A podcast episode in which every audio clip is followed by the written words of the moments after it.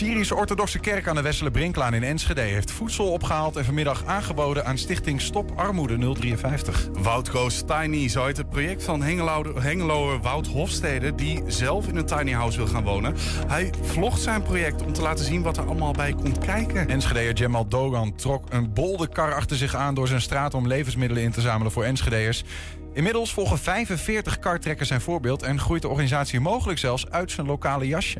En in de nieuwe editie van het, eh van het Twents staat hier, maar dat moet in depot staan, eh, eh, gaan we het hebben over het bijenkorvenmodel de Bisschopsmuts. Het is maandag en waarschijnlijk is dat ook even waarom we erin moeten komen. 28 november, dit is 120 vandaag. 120. 120 vandaag. Vertrouwen en betrokkenheid van burgers bij de plaatselijke politiek. Het houdt niet bepaald over. Bij de laatste gemeenteraadsverkiezingen in maart van dit jaar bracht nog niet de helft van de Enschede's bijvoorbeeld de stemgerechtigden hun stem uit. Voorafgaand aan die gemeenteraadsverkiezingen klaagden lokale politici al steen en been over die lokale politiek. Die zou te veel worden gekaapt door coalitie-oppositie gedoe, interne belangen. Zeg maar een beetje Den Haag vandaag in Enschede. Aanleiding om te kijken of het ook anders kan. Daar wordt eh, mee geëxperimenteerd. Vanavond bijvoorbeeld vindt de eerste zogenaamde, zogenaamde flexraad plaats. En de vraag is, wat is dat? We vragen dat aan Rolf Jongendijk. Hij is raadsgriffier in Enschede. Rolf, welkom. Dankjewel. Je debuut in 120 vandaag. Leuk dat je er bent. Ja. Want eh, griffier, ehm, wa- wat ben jij eigenlijk? Wat, wat voor een rol heb jij in de Enschedese politiek of raad? Ja, ja, eigenlijk hoor ik hier dan ook niet te zitten, want ik ben iemand op de, op de achtergrond. Eh, Ja. dus het is, het is inderdaad mijn primeur. Eh, ja, wat ik doe is die, eh, die gemeenteraad en al die leden ondersteunen.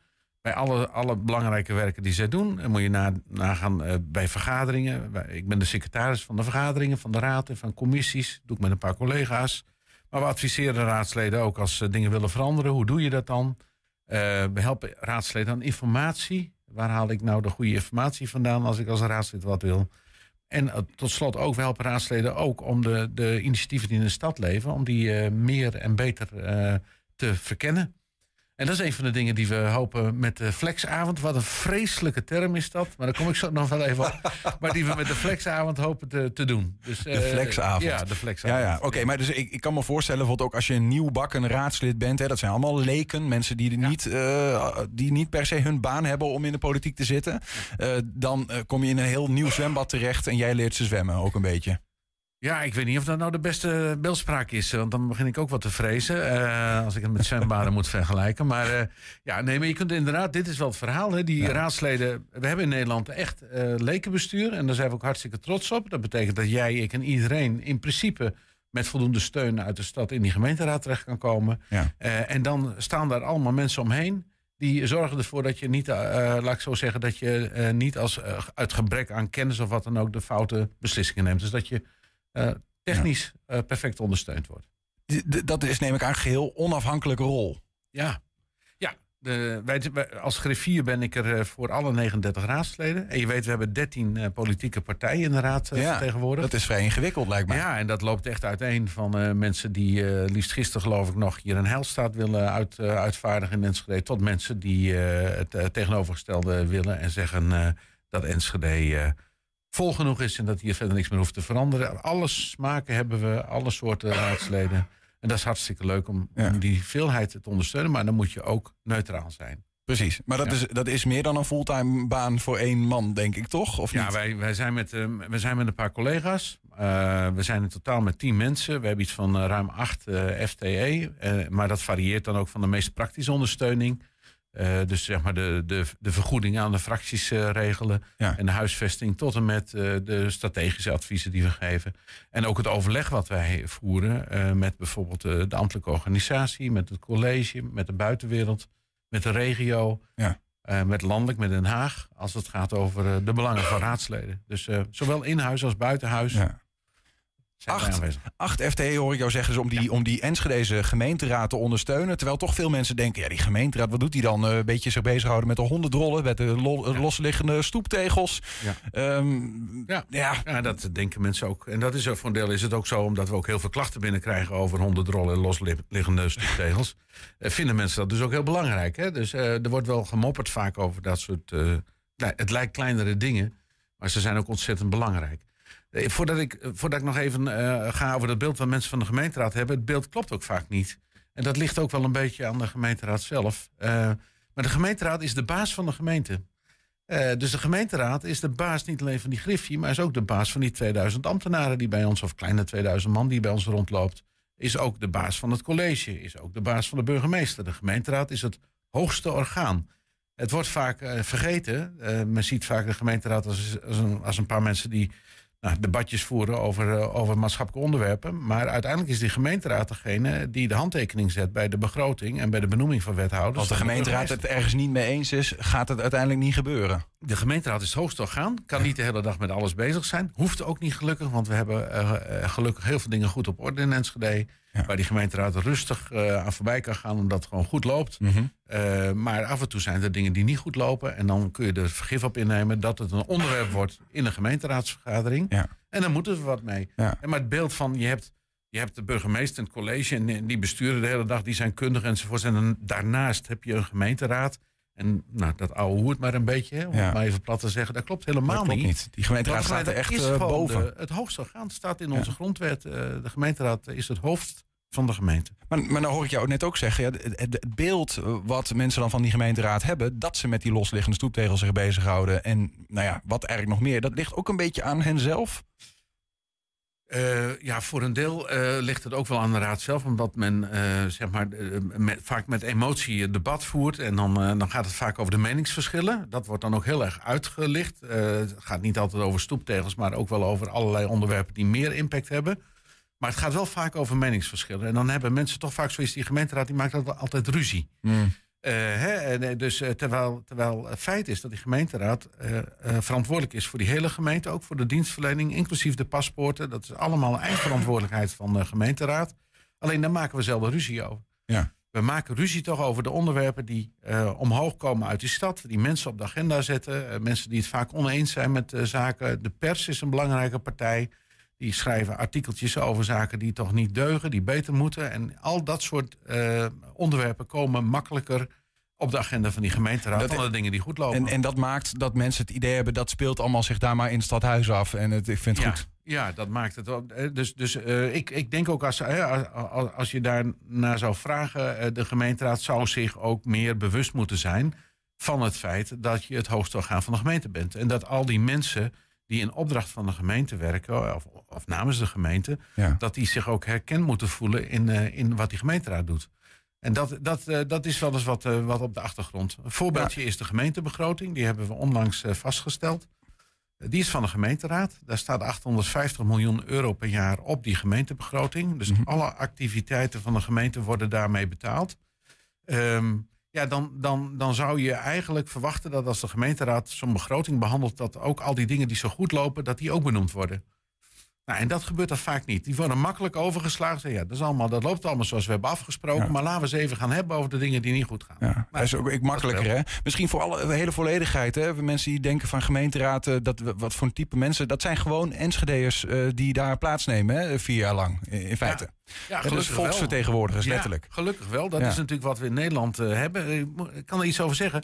Wij uh, hebben een hele gekke democratie eigenlijk. Want we hebben een democratie waarin de inwoners van het land hun bestuurders niet kiezen. Maar ze kiezen alleen hun parlementen. Dus ze kiezen alleen de gemeenteraad, de provinciale staten en de Tweede Kamer. Ja. Maar een minister of een wethouder of een burgemeester in Nederland wordt niet gekozen. Uh, we zijn wel een democratie, maar die, die bestuurders worden niet gekozen. Komt alweer vaak uit de partij. Ja, maar dat die... gebeurt in het buitenland wel. Kijk, hier in Duitsland, dan worden ja. de bestuurders uh, veel meer gekozen dan, dan in Nederland. En er zijn voorbeelden zoals in Amerika, waar alle bestuurders gekozen worden. Dus mm -hmm. daar heb je een parlement en daarnaast heb je gekozen bestuurders, ja. een president. Een wat, wat, is, wat jou betreft, het, het, het, is daar een significant verschil ook in hoe dat zich uitwerkt? Ja, want die verantwoordelijkheid van die raad is dus veel groter. Jij hebt te maken hier met een raad die wethouders benoemt. Dat doet die raad. En die moet, die moet die wethouders ook controleren. En dat kan de bevolking van de stad niet rechtstreeks doen. Dan ben je afhankelijk van die raad. Nou, en dat betekent eigenlijk een veel zwaardere last voor raadsleden dan bijvoorbeeld in het buitenland. In Duitsland heb je een gekozen burgemeester en een gekozen raad.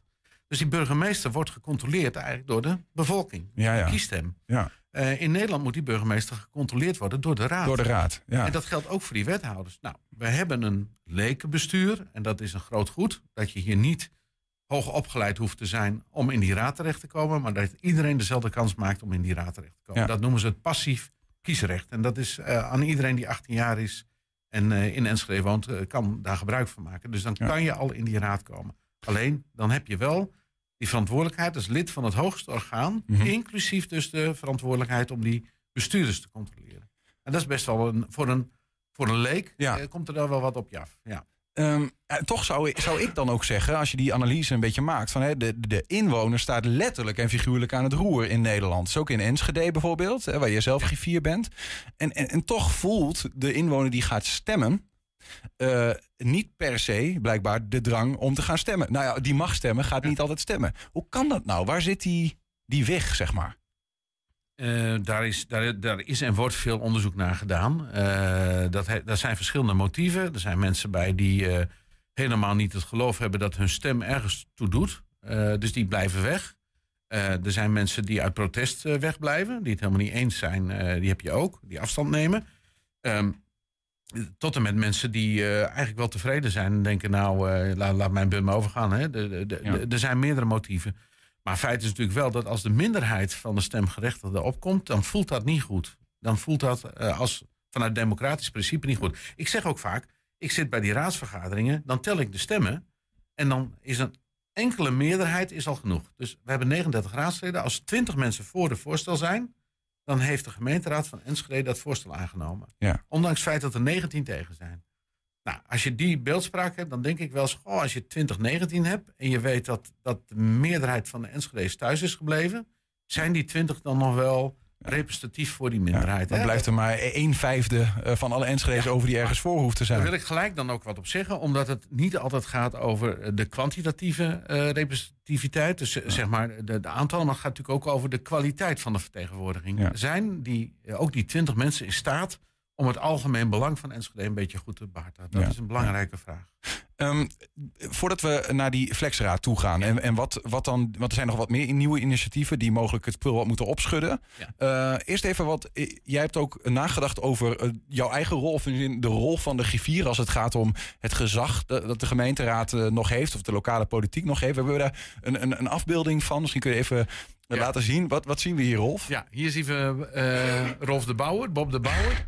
Ehm, ik heb eh, betoogd dat de griffier vier rollen heeft. Eh, en dit is een van die vier rollen. Dat is namelijk, je kan als griffier eh, het verschil maken door het vergadermodel, de manier waarop de gemeenteraad werkt, door dat anders eh, in te richten. Dat noem ik de bouwer.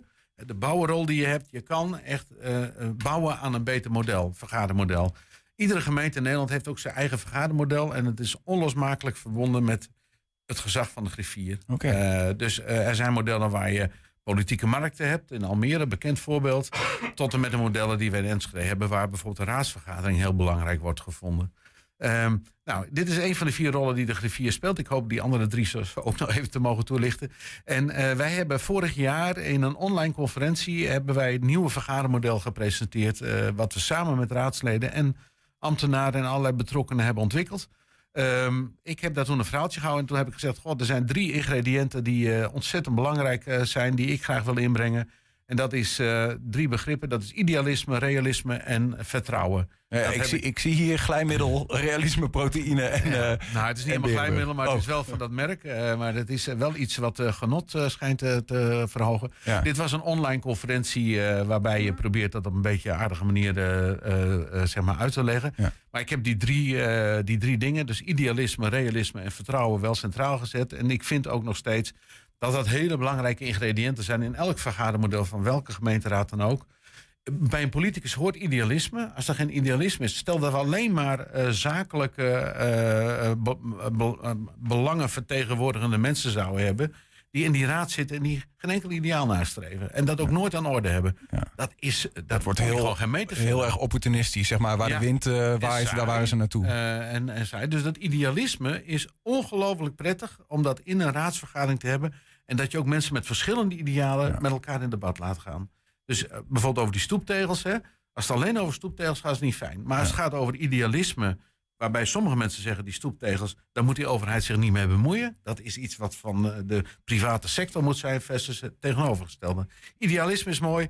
Maar daar hoort ook realisme bij. Dat betekent, je moet de feiten ook mee laten wegen als raadslid. Want als je alleen maar eh, in idealisme blijft hangen, dan ben je luchtkastelen aan het bouwen. Mhm. Kan niet, dus je moet ook feiten laten spreken. Ja. En uiteindelijk vertrouwen. Eh, ik ben van geboorte Fries, dus dat, dat zit bij mij altijd in zo'n in zo'n groene fles. Eh, maar, maar, Sonnema. nou, ja, ik noem geen namen. Oh, sorry. Vertrouwen is, eh, is een kernwaarde in de politiek. Want eh, eh, eh, eh, als je in een raad zit en je hebt geen vertrouwen in een gemeentelijk apparaat, niet in het college, niet in je bestuurders, niet in de stad, niet in de bevolking, Ja. dan kom je geen meter verder. Vertrouwen is de basisregel, ook in het college. Eh, Je hebt vertrouwen in elkaar totdat het tegendeel bewezen is. Nou, dat, dat zijn de drie ingrediënten die ik erin heb gegooid Ja. eh, toen we het nieuwe vergadermodel eh, hebben besproken. Oké, ja. Nou ja, ik, we kunnen daar niet heel veel verder over praten. Maar ik zie toch een aantal van die dingen wel onder druk staan hoor in onze samenleving. Denk ik. Ja, Nou ja, goed, er, eh, er zijn, er zijn natuurlijk wel veranderingen gaande. Alleen ik zie nog steeds eh, eh, eh, de drie basiswaarden, om maar zo te zeggen, zie ik nog steeds wel heel erg terug in Enschede hoor. Maar goed, die, die, eh, die helm ligt daar ook. Jij, jij bouwt, eh, jij als griffier ben je verantwoordelijk voor de, nou ja, de, de manier waarop wordt vergaderd. Eh, Ja. en, en als we daarop verder borduren, hè, even naar die flexraad, eh, van, of een flexavond hoor ik jou zeggen. Term. Verschrikkelijke naam. Ja. Is dat dan iets wat vanuit de griffie komt van jullie hebben dat bedacht? Misschien moeten we zoiets gaan Nou, doen? eh, eh, eh, kijk, als wij iets bedenken waar geen mens verder aan mee heeft gedaan, hè, dan, is het, eh, dan, dan wordt het helemaal niks. Dat is een ramp. En af en toe zie je dat in Nederland wel eens dat de griffier een goed idee had en dan, dan wordt het niet wat. Als je niet de mensen die het moeten doen, dus die raadsleden en die collegeleden en die ambtenaren, als je die niet in zo'n heel veranderingsproces meeneemt. Dus dat hebben wij ook gedaan. We hebben tien bouwstenen ontwikkeld in de afgelopen twee jaar voor een nieuw vergadermodel. Dus dat zijn tien verschillende onderwerpjes. Sorry. En die, zijn we, die hebben we sinds kort in elkaar geschoven in een nieuw model. En eh een van die onderwerpen is dan die flexavond, maar is maar één van de tien. En eh, ook niet eens de meest interessante. Eh, wat ik zelf bijvoorbeeld wel heel interessant vind, dat is de actualiteitenraad die we hebben Ja, bedacht. is ook nieuw. Die is ook nieuw. Elke maandag tussen 6 en 7 hebben wij een raadsvergadering waarin alle actuele onderwerpen door de raadsleden op de agenda gezet kunnen worden. Dat kunnen ze 's ochtends aanleveren om 10 uur, heel kort. ja. Heel hele korte doorlooptijd. Om ti- 10 uur maken we die agenda. Terwijl normaal gesproken een agenda van de raad weken van tevoren al wordt gemaakt. Doen we dat gewoon de ochtend zelf. Wat speelt er nu? Daar willen we het over Ja, hebben. En dan hebben we in die raadsvergadering mini- mini-debatjes met college en met andere raadsleden. En eh, proberen we ook heel snel het weerwoord van het college te krijgen en een afspraak te maken. Hoe gaan we nou verder met dit onderwerp om? Is het nou Ja. Of zetten we nog weer ergens Een voorbeeld noemen van iets wat op zo'n actualiteitenraadagenda staat? Nou ja, eh, eh, we, hebben, eh, we hebben bijvoorbeeld, als ik even kijk naar vanavond, we hebben een raadslid die vanavond een onderwerp eh, op de agenda heeft gezegd over de kosten voor het nieuwe paspoorten voor mensen die geslacht laten veranderen. Er zijn sommige steden in Nederland die dan een gratis paspoort afgeven. Nou, dat is voor iemand een heel belangrijk punt. Die agendeert dat. En dan gaan we vanavond over spreken. En dan heb je zomaar kans dat de wethouder ook een toezegging doet. Ja. Dan zoiets gaan wij ook doen. Maar ja, goed, andere voorbeelden zijn er zat. Maar ik, over het algemeen, wat we daarmee beogen, is dat eh, mensen in de stad het gevoel ook eh, krijgen. Die raad gaat ook over de dingen die wij op dit moment belangrijk vinden. Ja, in het ja. verleden was het zo dat we zulke lange doorlooptijden hadden. Dan hadden wij een raadsvergadering en dan had je vaak mensen in de stad joh, is dat onderwerp nou nog relevant? Hè? Eh, ehm, we proberen nu veel meer Ja, ook die actualiteit bovenop te betrekken, zitten. Zonder dat we de lange lijnen eh, loslaten. Ja, precies. Want dat, dat is dan ook weer een... Die flexavond is dan een ander voor, voor, eh, voorwerp of een andere eh, voorbeeld van een verandering. en wat, dat is, wat is dat dan precies? Nou, dat heeft ermee te maken dat wij onze vergaderingen zo ontzettend vol stoppen met, met allerlei raadsvoorstellen. Allemaal onderwerpen die voorbereid zijn door het college.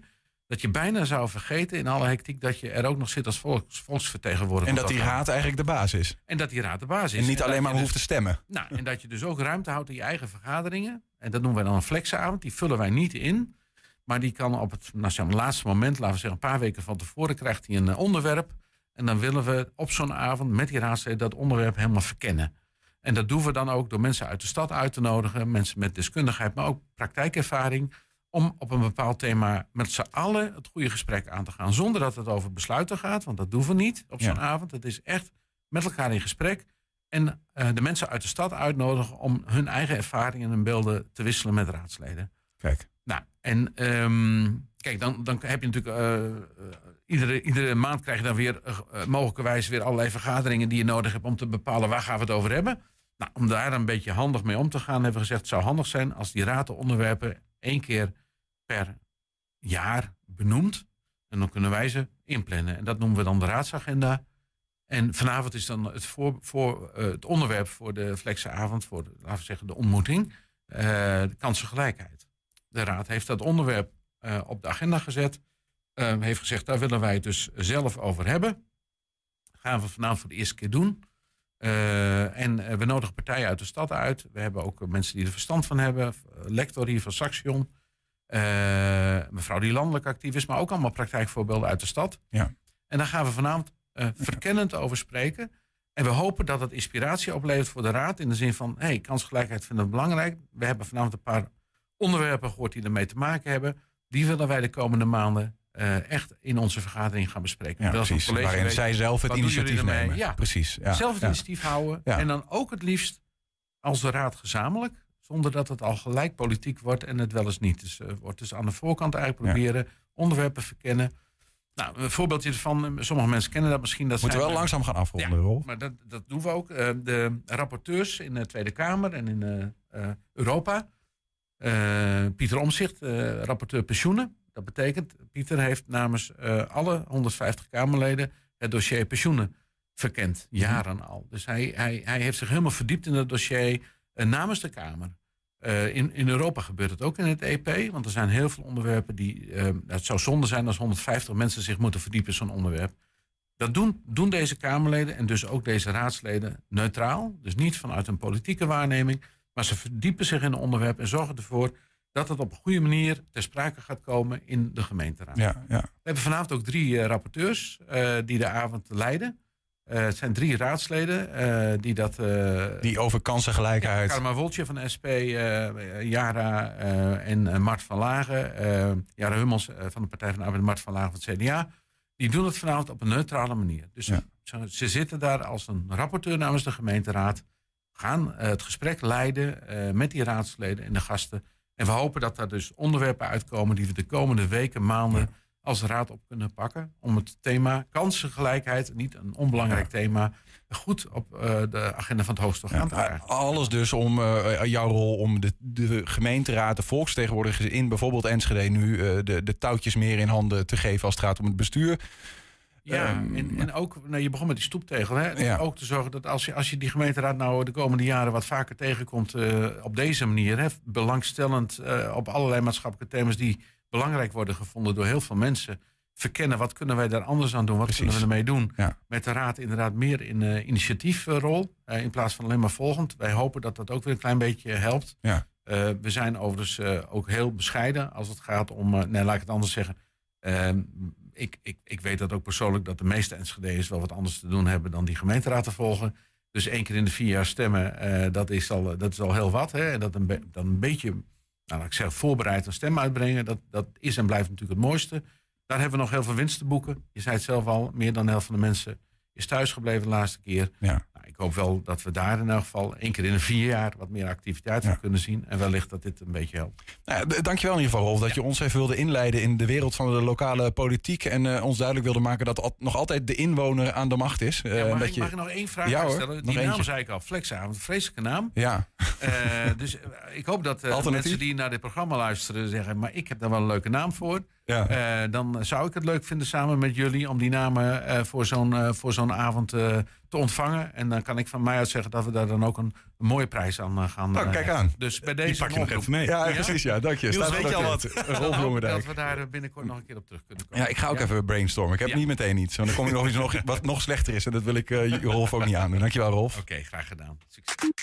Zometeen, de Syrisch-Orthodoxe Kerk aan de Westele Brinklaan heeft voedsel opgehaald en vanmiddag aangeboden aan Stichting Stop Armoede 053. We zijn ook als podcast te vinden op alle bekende podcastplatforms. Je vindt onze hele uitzendingen. Dan zoek je even op 120 vandaag. Dan vind je die. En je kunt Zijn- ook zoeken op goed, zijn 120 heel vandaag uitgelicht.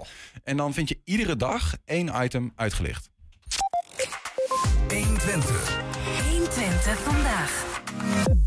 Stel, je woont in een twee onder één kapper, maar wilt graag veel kleiner gaan wonen. Of je wil eenvoudigweg een kleinere ecologische voetdruk achterlaten. Liefst met gelijkgestemden als naast de buren. Dan is een tiny house misschien wel een optie. Maar waar begin je dan? Hengelo Wout Hofstede die vroeg dat zich af. En eh, toen hij de eerste antwoorden had, begon hij erover te vloggen.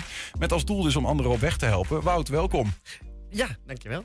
Wat leuk dat je hier bent. Eh, jij woont nu, heb ik begrepen, in een huisje op eh, Chaletpark de Waarbeek. Ja, dat is, eh, ja, ik zeg elke keer maar even, even, een, eh, even een tussenstap. Ja, ja. Is dat nog niet eh, tiny genoeg? Hij, hij is tiny, hij is aardig tiny. Maar ja, hoe, hoe fijn en hoe, hoe geweldig het ook is, is dat ik die mogelijkheid heb. Ehm, ja, ik, ik ga zo'n mooi huis bouwen. Dat wordt zo fantastisch dat ik denk van ja, dit is wel klein, maar die van mij die wordt echt, echt super mooi. Dus Ja, ja. Ehm, ik, ik heb begrepen dat je nu op die, dat chaletpark woont vanwege nou ja, dat er iets in jouw relatie is gebeurd. En dat Mhm. je denkt van nou, ik kwam hier te wonen. En toen dacht ik, ja, kon je niet, eh, was dat een reden dat het uiteindelijk niet lukte? Kon je niet samen in een tiny huis, eh, ko- lukte het niet om er samen uit te komen? Nee, nee, nee, nee. Het was eh, eigenlijk meer dat eh, nou ja, de, de, de relatiebreuk. eh, nou ja, voor mij meer de uit. Ik, ik was gewoon een beetje mopperig en ik zei: Weet je wat, dan ga ik wel tiny. Dat zei ik in januari. En in april eh, kwam het dan toch zover. En eh, nou ja, toen heeft dat. eh, heeft dat stemmetje nog wel gezegd, maar Wout, jij ging tiny, toch? Ja, en, ja. en toen heeft het, heeft het zich gezet.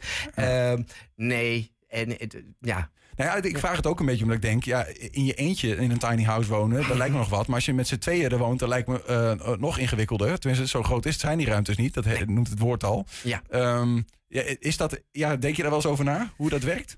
Nee. nee, ik, ik, ik, het, het, is, het is echt.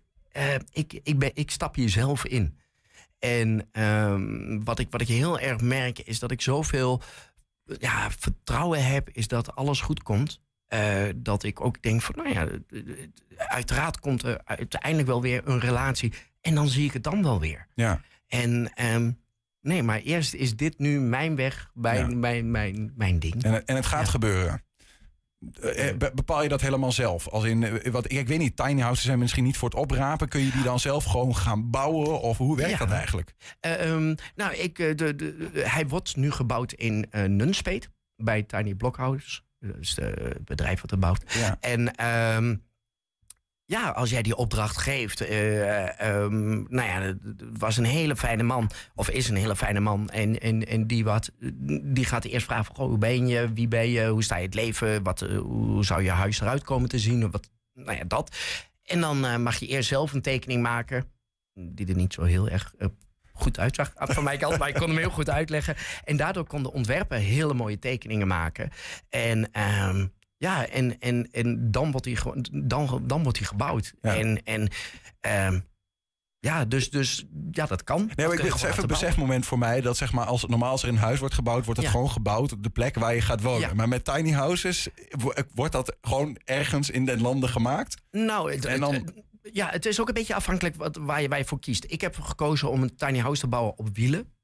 Ehm, zodat hij verplaatsbaar is. Omdat ik nu gewoon ook simpelweg nog niet weet waar ik terecht ga komen, weet ik dat ik hem moet gaan verplaatsen. Ja.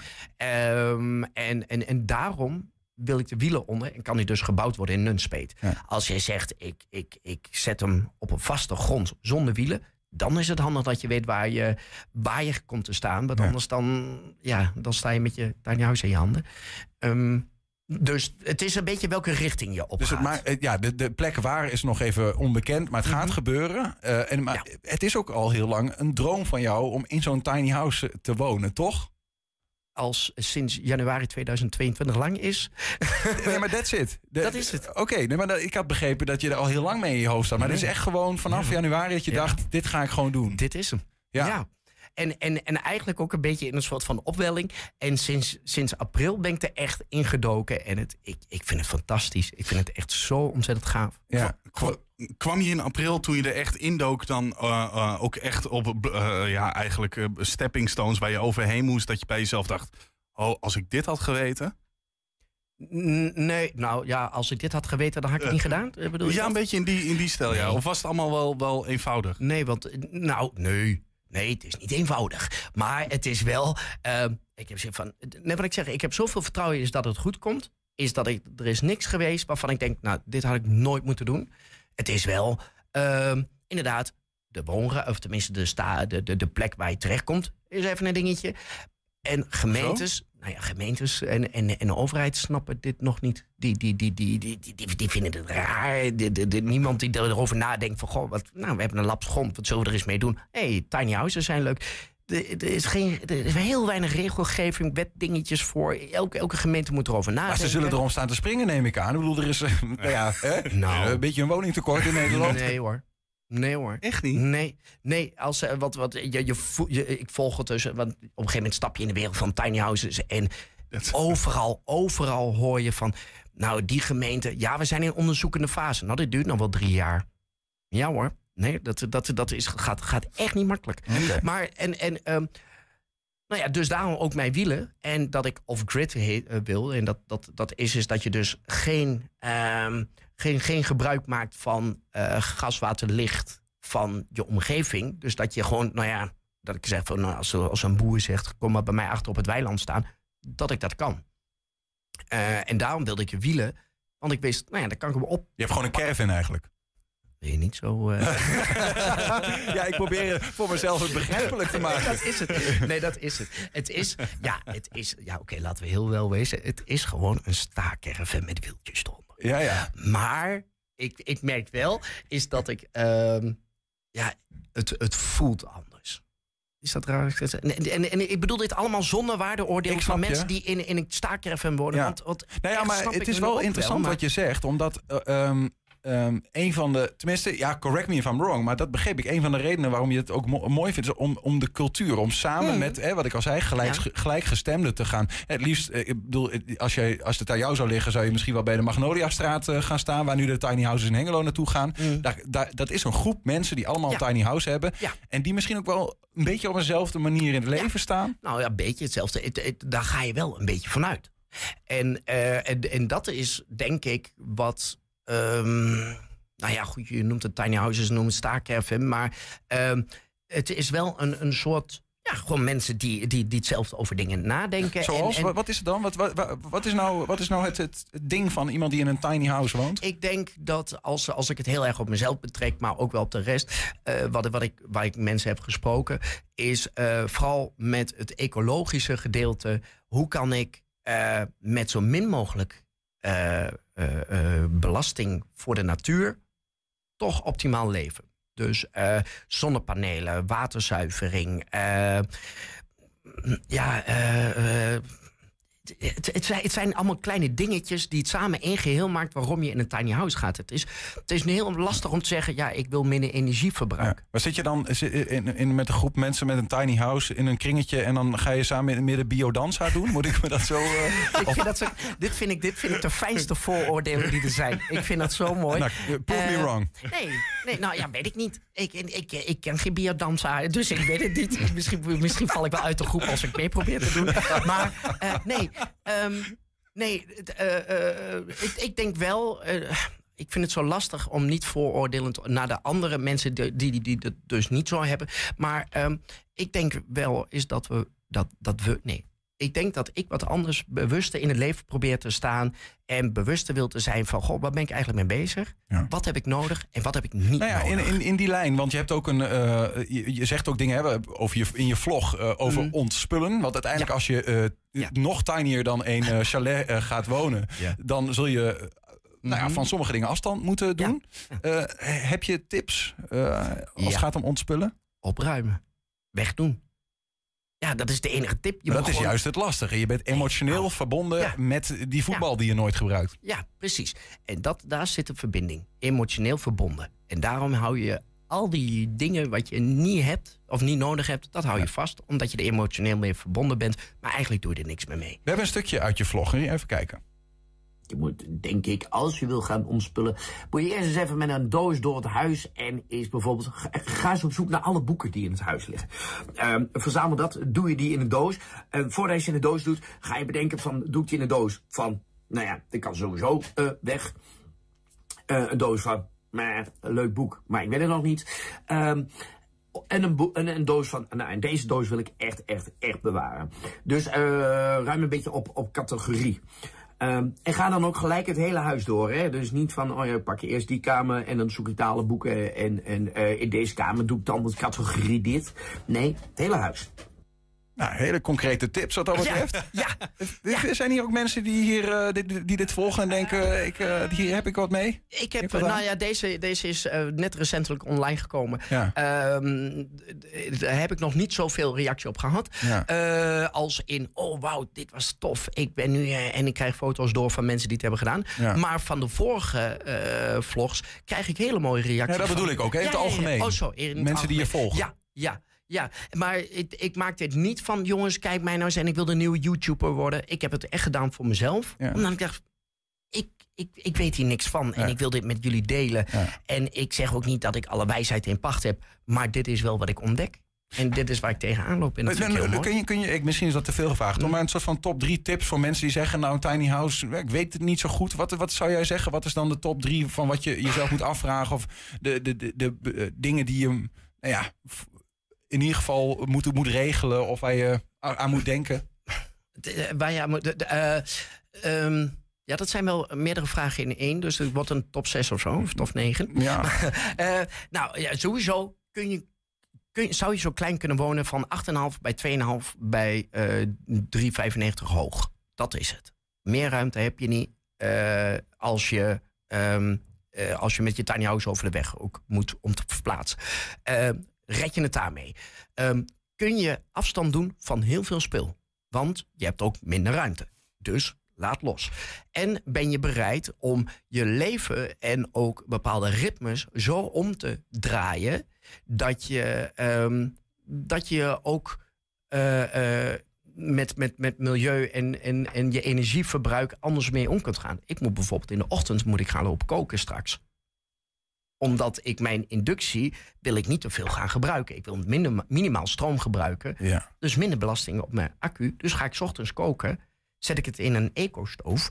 En die laat ik dan de hele dag nagaren. Ja. En dan kom ik smiddags kom ik thuis. En dan heb ik een warme maaltijd. Maar dan moet ik wel 's ochtends koken. Eh, Maar waarom kan dat niet eh, om zes uur? Als heel Nederland eet? Nou, eh, daarna wordt het donker. Ja. En dan komt er geen zon meer. Dan heb je Ah. zonnepaneeltje. En dan heb je 's ochtends vroeg dan... Als je direct dan, eh, energie uit je zonnepaneel. Ja, en als je dat dan 's ochtends doet en je staat een kwartiertje te koken en je zet het daarna weg, en zodat het langzaam na kan garen, Ja. heeft daarna die accu de tijd om zich weer op te laden met het daglicht. Ja, ja. En dat moet je niet s'avonds doen, want dan of je Netflix valt weg. Ook zo vervelend. Nee, weet ik niet. Ik, ik, ja, ik zie Nou ja, je bent nogal afhankelijk, letterlijk Ja. van, van de natuur. Want als de Ja. zon eh, een aantal Ja. dagen niet schijnt, ja, dan Ja. moet je het nog weer overschakelen op iets anders. Ja, nou dan, eh, dan ga je aan de salades. Ja. Ja, ik, ik weet het niet. Wat een Ik- ik uitdaging, vind, man. Ik vind het, ik vind het heerlijk. Ik, ik ga graag die uitdaging aan. Ik vind Ja. het fantastisch. Waar vinden we je vlog? Eh, gewoon, ja, ik, ik, ik, heb geen, ik heb geen YouTube-kanaal. Gewoon Dat Wout heb je, heb je wel. Dat is gewoon Wout Hofstede. Ja, Daar kun je dat vinden. Ja, Wout Hofstede. Zoek, het, zoek hem even op op, eh, op YouTube. Wout, eh, En we zetten het nog even in het artikel wat je na kan lezen op de website op Oh, 120.nl. fantastisch. Ja, en, maar wanneer, ga je, wanneer, ga je, wanneer is die af en wanneer ga jij ergens wonen in een tiny house? Ehm, dus zoals de planning er nu uitziet, eind januari, begin februari. Maar ja, ook in mijn vlog zal ik nu elke keer kan ik mooi de stappen laten zien. En zal ik ook elke keer bijsturen wanneer, eh, wanneer die af zal zijn. Maar het heeft zijn tijd en het wordt iets heel moois. En eh, over vijf jaar niet Wout Hofstede terug in een appartement op Driehoog? Ik verwacht het niet. Nee, dit gaat nooit meer weg. Nee. Oké, dit staat eh, vast. We gaan het zien. Wout, dankjewel. Alsjeblieft. Zometeen Enschede Chamal Dogan trok een bolderkar achter zich aan door zijn straat om deur aan deur levensmiddelen in te zamelen voor de voedselbank. Inmiddels zijn er 45 zogeheten kartrekkers van Enske die zijn voorbeeld volgen en groeit de organisatie mogelijk zelfs uit het Enschedese jasje. 120 vandaag. Armoede komt steeds meer voor in Nederland. En de Syrisch-Orthodoxe Kerk in Enschede heeft de afgelopen weken kerkleden gevraagd om voedsel te doneren voor stichting Stop Armoede 053. Van al het schoonmaakmiddel, rijst, soep en noem maar op, maakt de stichting voedselpakketten voor de Enschede's die maandelijks te weinig geld overhouden om van te kunnen leven.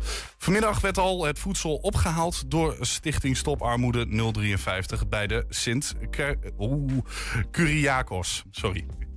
We staan hier in de Syrische Orthodoxe Kerk in Enschede. Vertel, wat, eh, wat doen we hier? Ja, eh, zoals u zegt, dit is onze Syrisch-Orthodoxe kerk, sint Kyriakos-kerk eh, is het. Eh, wij zijn eh, bestuur bestaan uit eh, tien mensen, eh, vijf dames en vijf heren. Eh, een van onze dames die zit bij de gemeenteraad van Enschede. En eh, daar heeft zij eh, te horen gekregen dat er heel erg behoefte is om eh, een steentje bij te dragen aan de huidige situatie wat armoede betreft. En eh, ze heeft eh, ons meegedeeld, we hebben daarover vergaderd met het hele bestuur.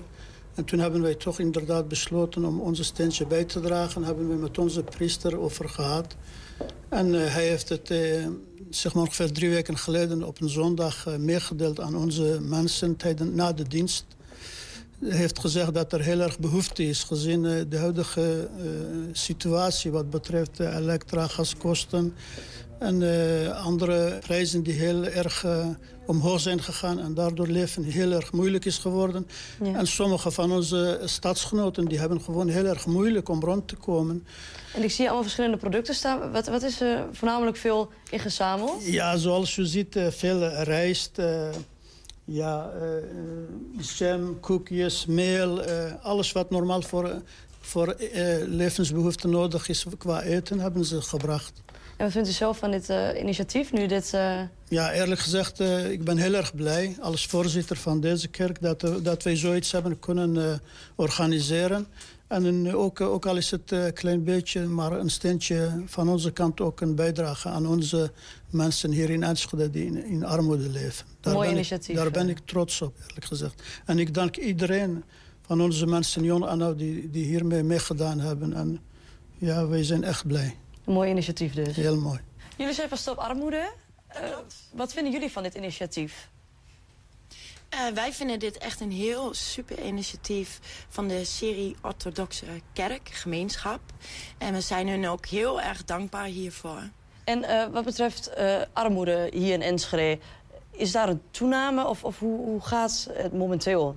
Ja, er is zeker een toename, dat zien wij echt. Eh, wij hebben eh 4010 huishoudens die wij eh, eh, ondersteunen met, eh, met de stichting. Ja, Jullie halen het nu op, dan gaan jullie het eh, verdelen of, of hoe werkt dat precies? Ja, wij eh, nemen het straks mee en gaan het allemaal verdelen. Gaan we echt allemaal pakketjes van maken, zodat iedereen straks evenveel heeft. En daar worden echt voedselpakketten voor gemaakt. En die kunnen ze er ophalen vervolgens of brengen jullie die dan langs? Hoe gaat dat? Ehm, ja, de pakketten kunnen opgehaald worden. En Evelien die behandelt de crisisgezinnen. Ehm, daarvan hebben we minimaal zeven aanvragen per dag. Ehm, en daar gaan dus ook eh, ja, dat soort voedselpakketten heen. 120. 120 vandaag. Het begon allemaal in zijn eentje. Enschedeer Jamal Dogan trok een bolde achter zich aan door zijn straat om deur aan deur levensmiddelen in te zamelen voor de voedselbank. Inmiddels zijn er al 45 zogeheten kartrekkers van Enske die zijn voorbeeld volgen, verspreid over heel Enschede. En het initiatief loopt zelfs zo goed dat Jamal een eh, mooie primeur voor ons heeft. Jamal, goedemiddag. Goedemiddag. Eh, benieuwd naar die primeur. Hou die nog even warm. Maar eerst even, misschien is het goed om, om even uit te leggen... de kartrekkers van Enske. Wat is dat voor initiatief? Nou, eh, ik zal even proberen eh, duidelijk uit te leggen. Ehm, ik ben, vorig jaar ben ik zelf eh, op bezoek geweest bij de voedselbank... omdat ik een donatie zelf kreeg... waar ik eigenlijk op dat moment niks aan had. En die wou ik dus zelf weer verder doneren. Heb ik bij de voedselbank, naar, naar de voedselbank gebracht. Ehm, en daar ehm, zag ik eigenlijk de schrijnende gevallen en ook de verhalen te horen. En dat zat een beetje in mijn hoofd van... ik moet hier wat meer mee kunnen doen, meer, meer willen doen... En eh, in, in april van dit jaar dacht ik bij mezelf, weet je wat, eh, begin eens gewoon in je eigen straat om te kijken of er animo is voor mensen die willen doneren. Het was vanaf begin af aan gelijk bij mij duidelijk geen geld, want je krijgt er alleen maar gezeik mee. Gewoon in middelen, levensmiddelen. Ja. En ik heb een bolderkar gekocht voor mezelf en ik ben eh, de straat ingegaan. En ik, einde van de straat had ik de bolderkar twee keer vol. En twee keer vol is al gauw eh, vier van deze kratten wat ik hier naast mij heb. Ja, want je hebt dit, dit- Ja. hier sa- samen in. Misschien goed om even in de hoek staan een camera. Als je hem omhoog houdt, dan Ja. kun je heel even zien. Dit is dan eh, zo'n zo'n zo'n krat eh, dat eh, op, eh, op zo'n bolderkar Ik weet niet waar de eh, camera staat. staat. Ja, daarin. Oh, hij, wordt- hij, hij opgepakt. Ja, oké. Ja. ja.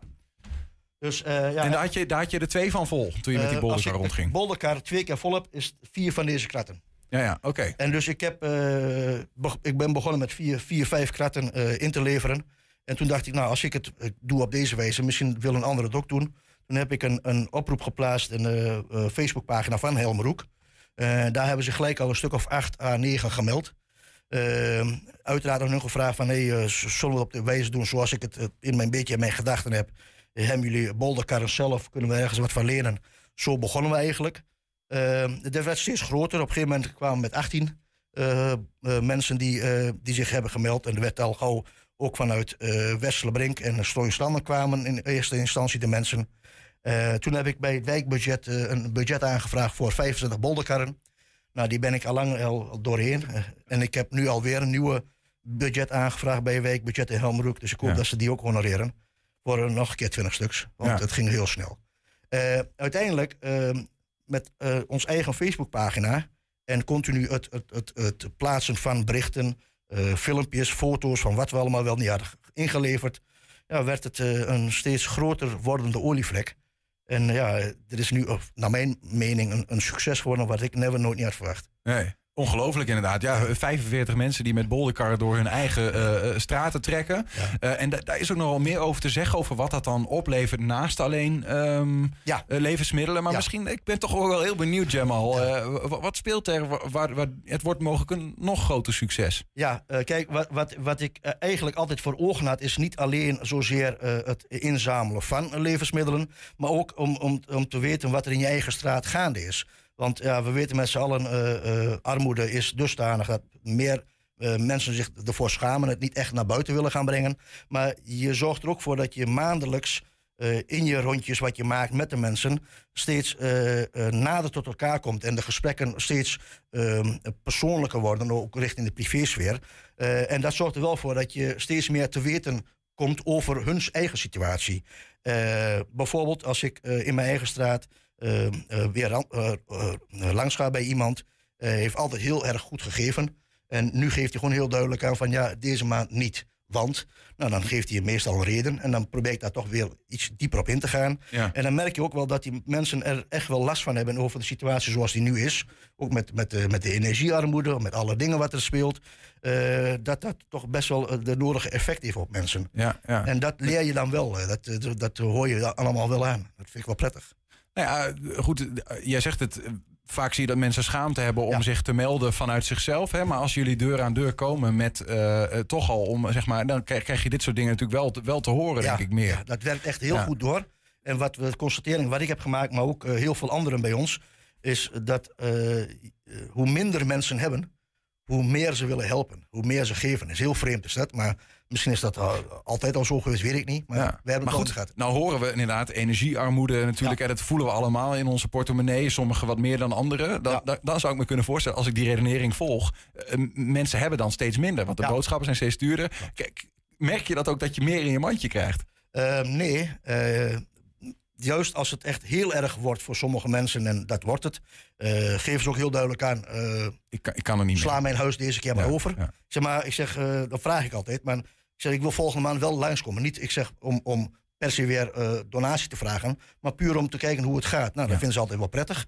Dus dan gaan we de volgende keer weer heen. En is het of ze geven wel wat of niet. En dan gaan we weer het gesprek met elkaar aan. Want het is ook een soort van een sociaal controle wat je op elkaar doet. En dat, dat is nogmaals, eh, vooral in deze tijd, is dat een beetje te, te lang blijven liggen. Ja. Iedereen denkt aan zichzelf. En ik snap het aan de ene kant wel. Maar Ja. zo proberen wij toch een beetje het spul te doorbreken. Ehm, di- je gaat met die, met die karren langs, je haalt het spul op bij de mensen. Hè? Je vraagt ze eigenlijk één levensmiddel Eén, per, per deur.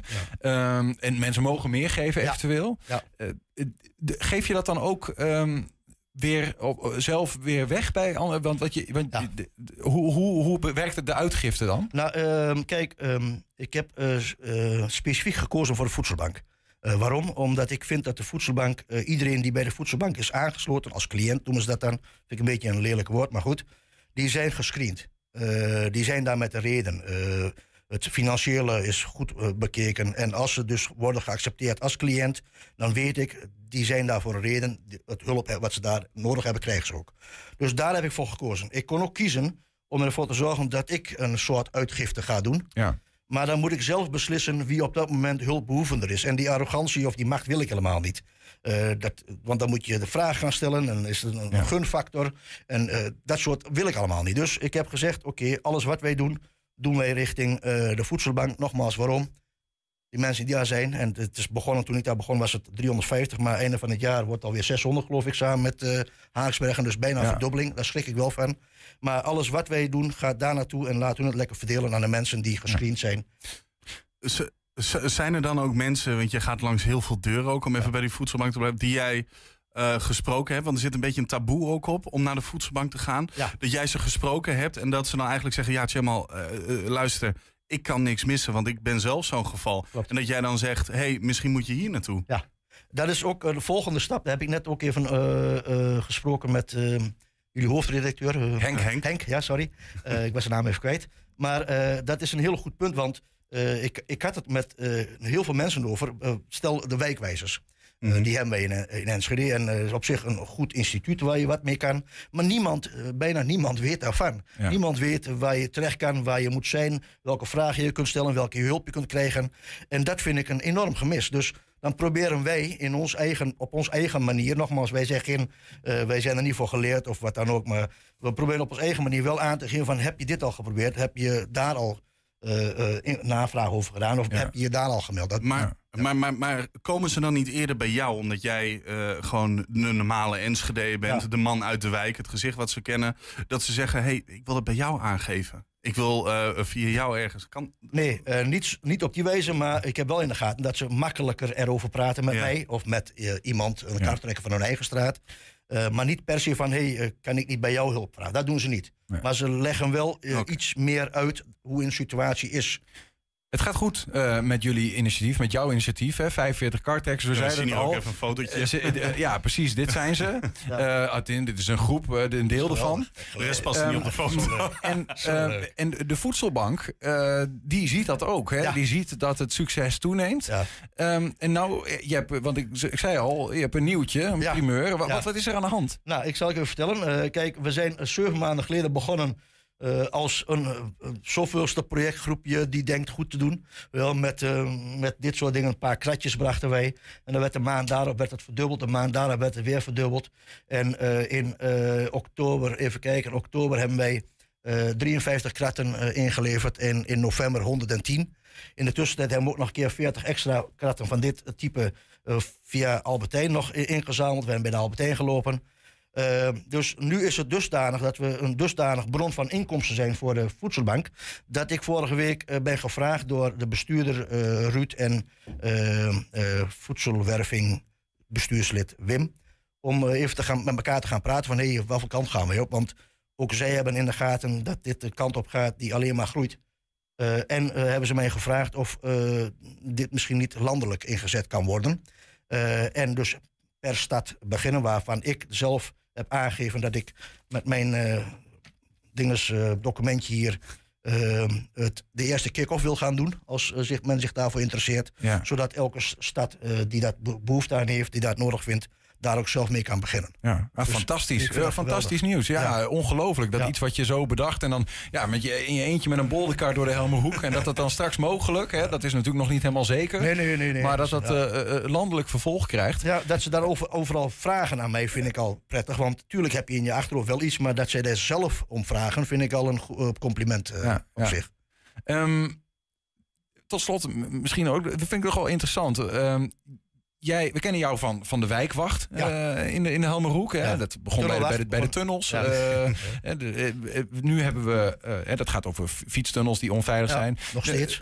dan met de groepen door de wijken lopen, de wijkwacht. Nu heb je dit karttrekkersinitiatief. Misschien is er nog wel iets wat ik nu niet, niet kan noemen. Waar komt dat vandaan eigenlijk? Die, die... Daar, daar, komt eigenlijk ook een heel mooie reden, vind ik. Af mooi. ik heb een hartinfarct gehad, vier jaar geleden. En vier stands later heb ik mezelf de vraag gesteld van ja, bijna was je er, uh, was je er niet meer. Dus dan is de vraag even, wat laat je na? Uh, en ik ben, heb ik in de gaten, thuis, ik heb drie jongens en een vrouw uiteraard. En uh, die zeggen ook van, nee, doe een beetje rustig aan, want ik heb ook nog een fulltime baan. Ja. maar ehm, ik ben een beetje overgeheld naar misschien de kant van, hé, hey, je doet te veel. Maar het geeft mij zoveel energie dat ik iets voor anderen kan doen. Want dit is iets waar je, wat nogmaals niemand echt geld kost. Uh, het, het, het, is, ik vraag maar één item, eh, één levensmiddel. Iedereen heeft dat wel over. Maar wat je ermee doet is zo groot. Zo, zo'n geweldig gevoel. Alles wat wij doen hier, dat is net uh, van, van, van uh, afgelopen drie weken, zeg maar, van, van november is dit. Eh, begin november hebben we het spul ingeleverd. Eh, dynamiek, eh, het gevoel, het lekkere gevoel waar je weggaat van... hé, hey, dit hebben wij met z'n allen gedaan. En we laten daar 110 kratten vol met levensmiddelen achter... voor Enschede's die dat nodig hebben. Nou, dat gevoel dat kun je niet beschrijven. De, de hulpbehoevenden hebben levensmiddelen en jij krijgt er energie van. Oh, geweldig. Ja. Absoluut, absoluut. Jamal Dogan, dankjewel. En, en ik ben ontzettend benieuwd wat het, eh, wat het gaat brengen. Ehm, misschien wel in de rest van Nederland ook nog. Ik ben benieuwd, ik hoop het wel, maar we gaan het meemaken. Heb je een tip voor de redactie? Mail dat dan naar info.120.nl 120. 120 vandaag. Ja, eeuwenlang kon je aan schipperstruien zien of een visser uit Urk, Enkhuizen of Harderwijk kwam. Vissersvrouwen bereiden in elk dorp hun eigen patronen. Iets vergelijkbaars geldt voor bijenkorven. Iedere streek had zo zijn eigen korf en er is nog een overeenkomst waarbij een, waarbij een houden in ons werelddeel tegenwoordig hobby is. Al dan niet omdat imkers niet zorgen maken om de bijenstand, was het vroeger serious business wat dus brood op de plank En net als boerderijen en de koeien opgenomen, opgenomen in het erfrecht.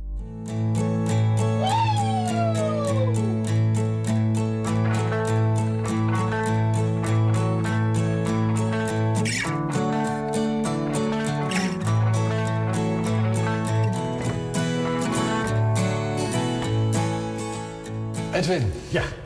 We zijn er weer. Ja. En we staan in... Uh, ja, bedoel, je niet... Ja, we- we- vaak geweest, maar nooit eerder gefilmd. Ja, het is ook een mooie, mooie plek, hè? architectonisch gezien. De lange rode gang die Ja. eh, het ene deel van het museum met het andere verbindt. Ja, ja, het is nu een beetje rustig, dus dan kunnen we opnemen hier. Hey, hey, je hebt ons eh, meegenomen naar eh, nummer 15. ja, ik, ik zie dat het een, eh, een bijenkorf is. Dat, Ja, eh, dat zal, zal iedereen herkennen, denk ik. Ja, ja. Dit is een, een, eh, bisschopsmuts. Kijk, we En- leven eh, Ja, en, en dat is... in de verwachting van de, van de goede heiligman. Ja. Hij is net gearriveerd in Nederland. Die link had ik nog helemaal niet gelegd, maar... eh, Die link leg ik nu. Ja. Ja, klopt. En dat, en dat zegt niks over, eh, dat, over eh, dat je niet katholiek bent of zo. Eh, het is een model natuurlijk, Ja. wat je ziet. Maar goed, het is wel natuurlijk vernoemd, de bisschopsmuts, de, de, de, mijters, hè, die, precies. Dat is de reden waarom hij de bisschopsmuts heet, toch? Ja. Ja, ja. ja, en dit is het, het, het type bijenkorf dat ja, in Oost-Nederland gebruikt het meest voorkwam. Dus van Arnhem tot hier, zeg maar, daar was dit het meest voorkomende type bijenkorf tot, eh maar pak met 1900 of zo. Oké, dus je had, eh, dat weet ik helemaal niet, maar je had voor verschillende streken verschillende soorten bijen. Ja, ja, ja eh, iedere streek heeft zo zijn eigen Oké. types. En de bisschopsmuts is typisch Oost-Nederland. Ja, ja, nou, die dan kwam- eigenen wij ons Sinterklaas ook toe. Ja, ja, en dat is wel. eh, nou ja, en en eh, eh, onderschat de bijenteelt niet van vroeger, want dat was een hele belangrijke eh, bijverdienste eigenlijk. Bij- vaak als bijverdienste. Het was Ja. niet een, een, een, hoofd, eh, een hoofdtak van... eh, Nee, nee. Je, je moet je voorstellen, nou, de, de, de bijenteelt is eigenlijk al heel oud. Hè? Dus de, de Grieken, Romeinen, prehistorie verzamelde men al honing hè, als zoetstof. Eh, de, de Grieken zijn bekend, de Egyptenaren zijn bekend dat die al bijenkorven hadden, bijen hielden voor de, voor de honing. Ja, hier ook. En ehm, je had, hier had je het Saxisch erfrecht in deze streek. En dat wil zeggen dat ze probeerden zoveel mogelijk de boerderijen bij elkaar te houden. Ja. Hey, en ehm, was dat dan, wat jij zegt, boerderij, eh, was dat een typisch boerending om bijen te houden? Dat gebeurde niet eh, bij mensen, want dat zie je nu natuurlijk, dat nee. allerlei mensen bijen nee, houden. het, was, het was echt eh, boer. En ook nog aangeven hoe belangrijk het was. Er zijn inventarissen zijn er bekend. Hè. Er gaat iemand dood en dan wordt de inventaris. En dan worden de, eh, nou, de, natuurlijk de, de, de boerderij wordt genoemd. Op een gegeven moment worden de dieren. En dan worden de bijen worden eigenlijk voor de paarden en de koeien worden genoemd. Ja, ja, ja. Dus dat zegt toch wel iets over... de volgorde van belang. Ja, dat zegt bijen toch wel iets dus- over het belang van... Ja.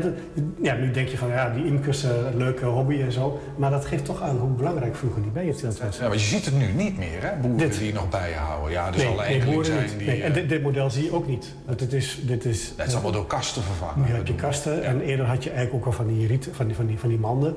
Hè, die, en met een deksel. En dat is veel efficiënter dan dit.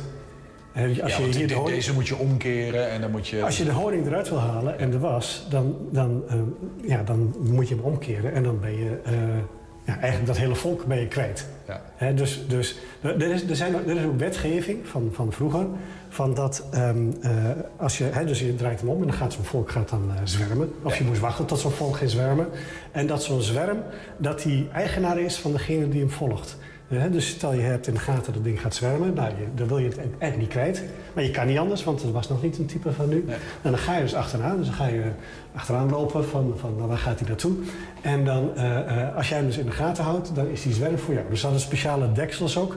Als zo'n zwerm ergens neerstreek, kon je die deksel over die zwerm heen doen. En dan kon je hem weer meenemen naar huis. En dan weer, nou ja, in een nieuwe mand kon je hem dan doen. Precies. Dus dat, eh, er was echt wetgeving van als je de, zwerm zag en je had hem in de gaten gehouden, is die van jou. Ja. Hey, maar al dat soort gebruiken en wetgeving, dat is in onbruik geraakt. Of dat bestaat niet meer op die manier, toch? Wanneer is dat, eh, zoals die... Dit soort teelt, hè? die ouderwetse teelt, die ook met overerving te maken Ja, heeft. ja. Wanneer is dat uitgestorven hier in deze streek ongeveer? Ehm, ja, eigen- eigenlijk met, met de, de invoering van de eh, suiker vanuit Zuid-Amerika. Dus eh, dan heb je ving- 1870 heb je het ongeveer over. Hè? Dus dan kwam voor het eerst eh, suikerrietplantages, kon je goedkoop suiker maken. En grote hoeveelheden kwam het hier naartoe. En toen was het niet meer eh, economisch rendabel eigenlijk om de honing te maken. Nee, want dat was te omslachtig en Ja, ja. eh, toch, toch wel veel werk. Het heeft hier, hier in Twente nog wel redelijk lang stand gehouden. Want in Duitsland was de. nou, in Duitsland heb je hele strenge keuringen voor honing. En daar is de honing eigenlijk veel duurder. En het was heel rendabel om honing eh, hier, hier te maken en heel duur in Duitsland te verkopen. Dus Ja. eh, en daar is dat nog wat langer eh, in stand gebleven. Nou ja, en bij het teelt nu is weer in zwang in die zin dat die bijen natuurlijk bedreigd zijn. En we behoefte hebben aan bestuiving. Bijen zijn ongelooflijk belangrijk hè, voor ons hele voedselsysteem. Ja. Zonder bijen hadden wij hier niet gestaan. Dat kun je Klopt. En dit is eigenlijk maar voor één type bijen, want er zijn ontelbare aantallen die allemaal soms solitair zijn en alleen leven, maar die ook allemaal voor bestuiving eh, zorgen. Ja. Maar goed, we hebben het verhaal bij eh, de bisschopsmuts, want dat is wat dit ding is. ja, en het belang van de bijenteelt Ja, van ja. vroeger. Ja, Dankjewel man. graag gedaan. En daarmee zijn we ook aan het einde gekomen van 120 vandaag. Terugkijken dat kan direct via 120.nl en vanavond om 8 en 10 op televisie te zien. Zometeen op de radio Henk Ketting met de kettingreactie. Tot morgen. 120. Weet wat er speelt in Twente. Met nu het nieuws van 5 uur. Goedemiddag, ik ben Michiel Frazenstorm. Amsterdam en Rotterdam overwegen extra maatregelen rond de WK-wedstrijd van Marokko tegen Canada donderdag. Gisteren liep het uit de hand toen Marokko gewonnen had van België. Dat gebeurde ook in Den Haag, maar er komen sowieso geen extra maatregelen. Het was daar relatief snel voorbij gisteren. Bijna 400